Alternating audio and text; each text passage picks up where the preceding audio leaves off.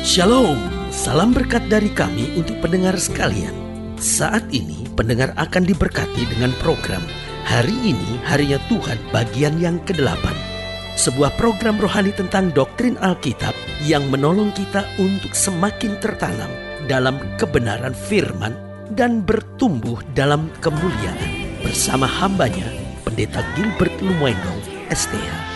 Banyak orang merasa doktrin Alkitab sebagai sesuatu yang membingungkan, tetapi tahukah saudara bahwa doktrin Alkitab intinya adalah memahami Alkitab dengan benar, dengan pemahaman yang sistematis, sehingga kita terus dapat tertanam di dalam kebenaran firman, sehingga kita terus bertumbuh di dalam kemuliaan Allah.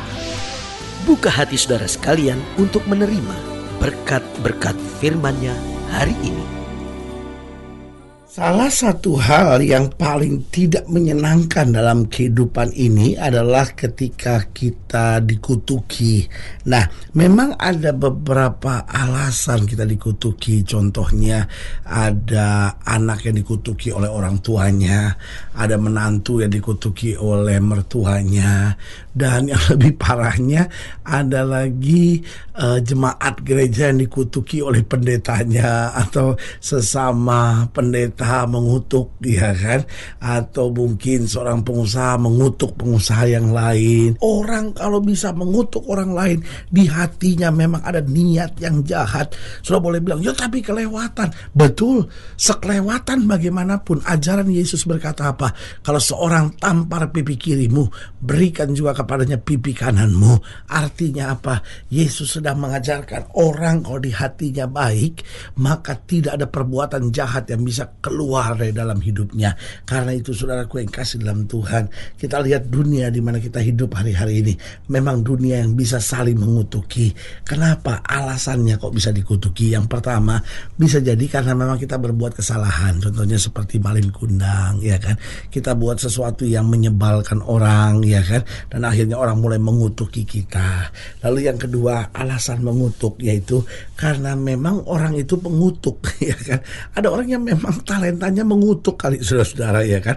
Artinya orang itu memang senang ngutuk. Ada masalah apa pun main kutuk aja, main kutuk aja, main kutuk aja. Dan dia bangga kalau lihat kutuknya itu bisa terjadi. Dia lupa dalam Alkitab ada dikatakan bahwa apa yang kau tabur itu yang akan kau tuai. Kalau engkau senang mengutuk, maka kutuk juga akan turun dalam hidupmu. Lalu yang ketiga saya pelajari, kenapa orang bisa mengutuk? Bisa jadi karena iri hati. Dia lihat kok hidup saudara begitu luar biasa. Wah dia mulai kutukin hidup saudara. Supaya apa? Supaya saudara kehilangan berkat damai sejahtera ya kan.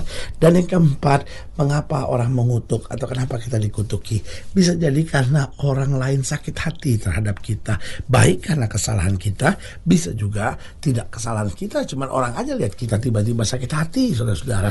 Nah sebagai hamba Allah saya hanya mau ingatkan jawaban firman Tuhan. Kutuk yang tanpa alasan tidak akan pernah kena. Apa artinya Artinya adalah selama hubungan kita dengan Tuhan itu beres, maka manusia boleh merancangkan yang jahat. Pembelaan Allah selalu luar biasa atas kita. Haleluya. Selamat datang dalam program kita hari ini harinya Tuhan. Sebuah program rohani yang kembali mengingatkan kepada kita betapa pentingnya kita menjadikan firman Tuhan sebagai dasar kesalahan hidup kita. Karena selama kita menjadikan firman Tuhan sebagai dasar kesalahan hidup kita, langkah-langkah ke depan kita penuh dengan kepastian, kemenangan, berkat, mujizat dan perkara-perkara besar besar haleluya. Di dalam program ini kita sedang membahas tentang dikutuki. Nah kadangkala kita dikutuki karena kesalahan kita. Kita perlu bertobat dan membereskannya dengan Tuhan. Tetapi ada kalanya kita dikutuki meskipun tanpa kesalahan. Nah, saudaraku yang kasih dalam Tuhan, itu akan kita pelajari hari ini dalam program kita tentang dikutuki.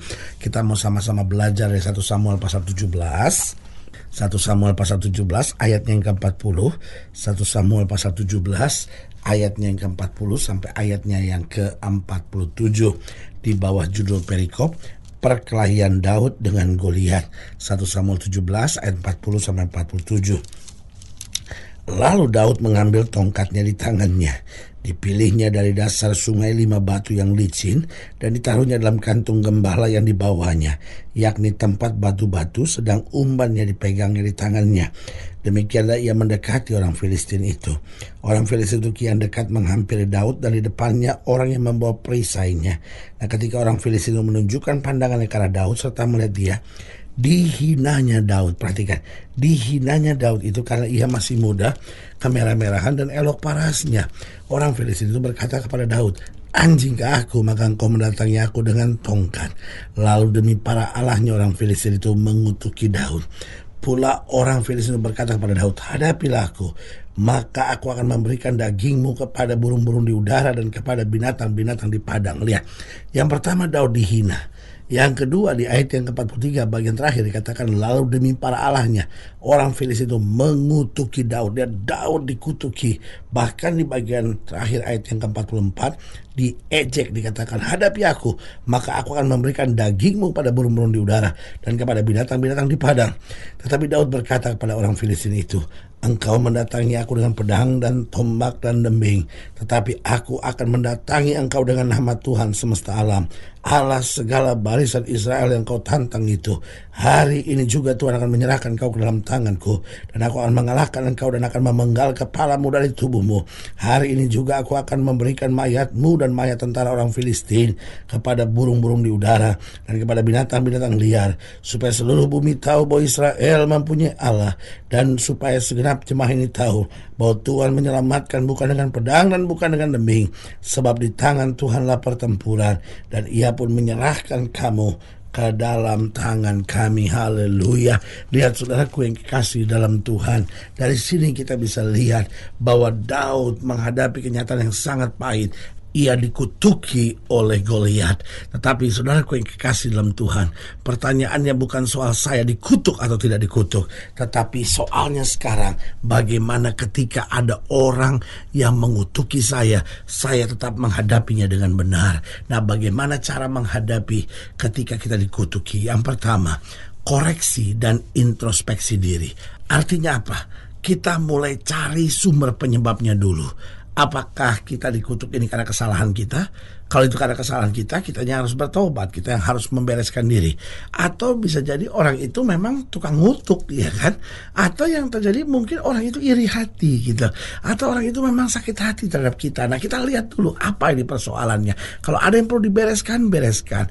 Kalau tidak ada lagi yang perlu dibereskan, serahkan semuanya kepada Tuhan. Jadi bagaimana menghadapi orang yang mengutuki, jangan emosi dulu, jangan marah dulu, jangan kecewa dulu, jangan nangis, jangan ketakutan dulu. Koreksi dan introspeksi diri supaya kita bisa lihat apa yang terjadi, bagaimana kita menyelesaikannya, dari mana kita mulai, dan bagaimana kita bertindak, ya kan? Lalu yang kedua, ampuni dan lupakan. Setelah kita tahu, kita beresin, dengan orangnya kita ampunin dulu, ya kan?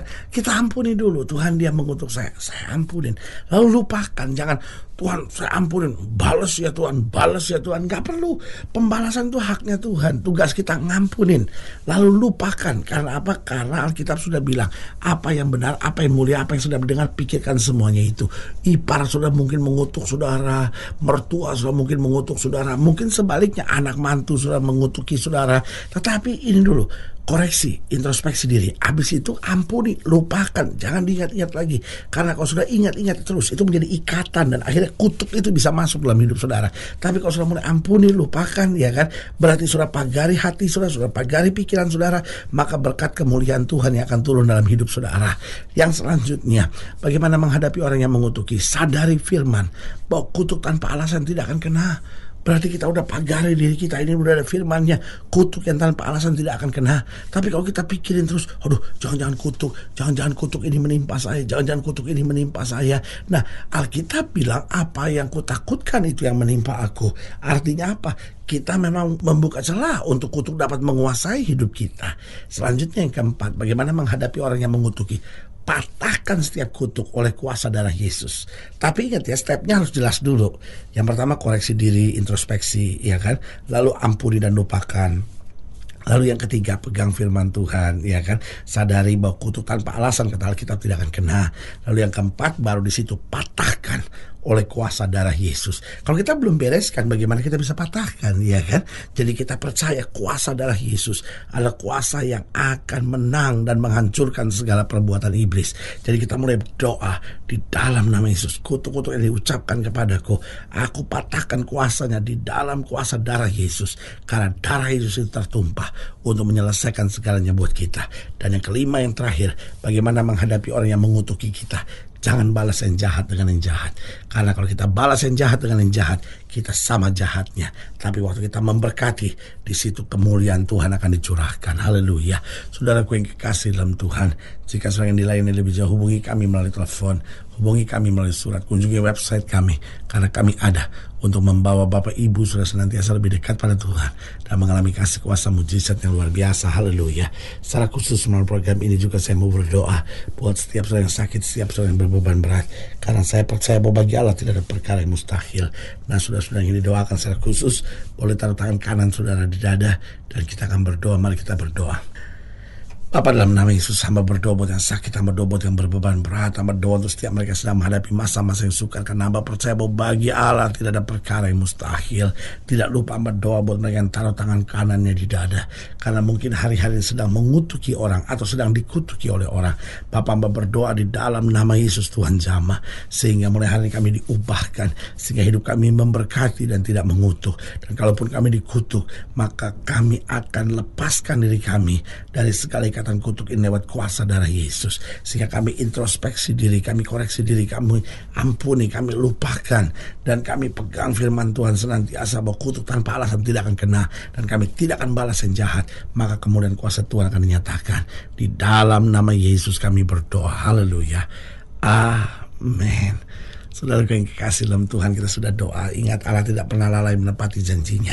Inilah saatnya buat kita untuk bangkit bersemangat Bersuka cita dalam menghadapi segala perkara. Karena kita tahu Yesus hidup, Yesus berkuasa Dan selalu menyediakan terbaik buat anak-anaknya. Doa saya menyertai saudara Sampai berjumpa pada program berikut Dan jangan lupa Jadikan hari ini harinya Tuhan. Haleluya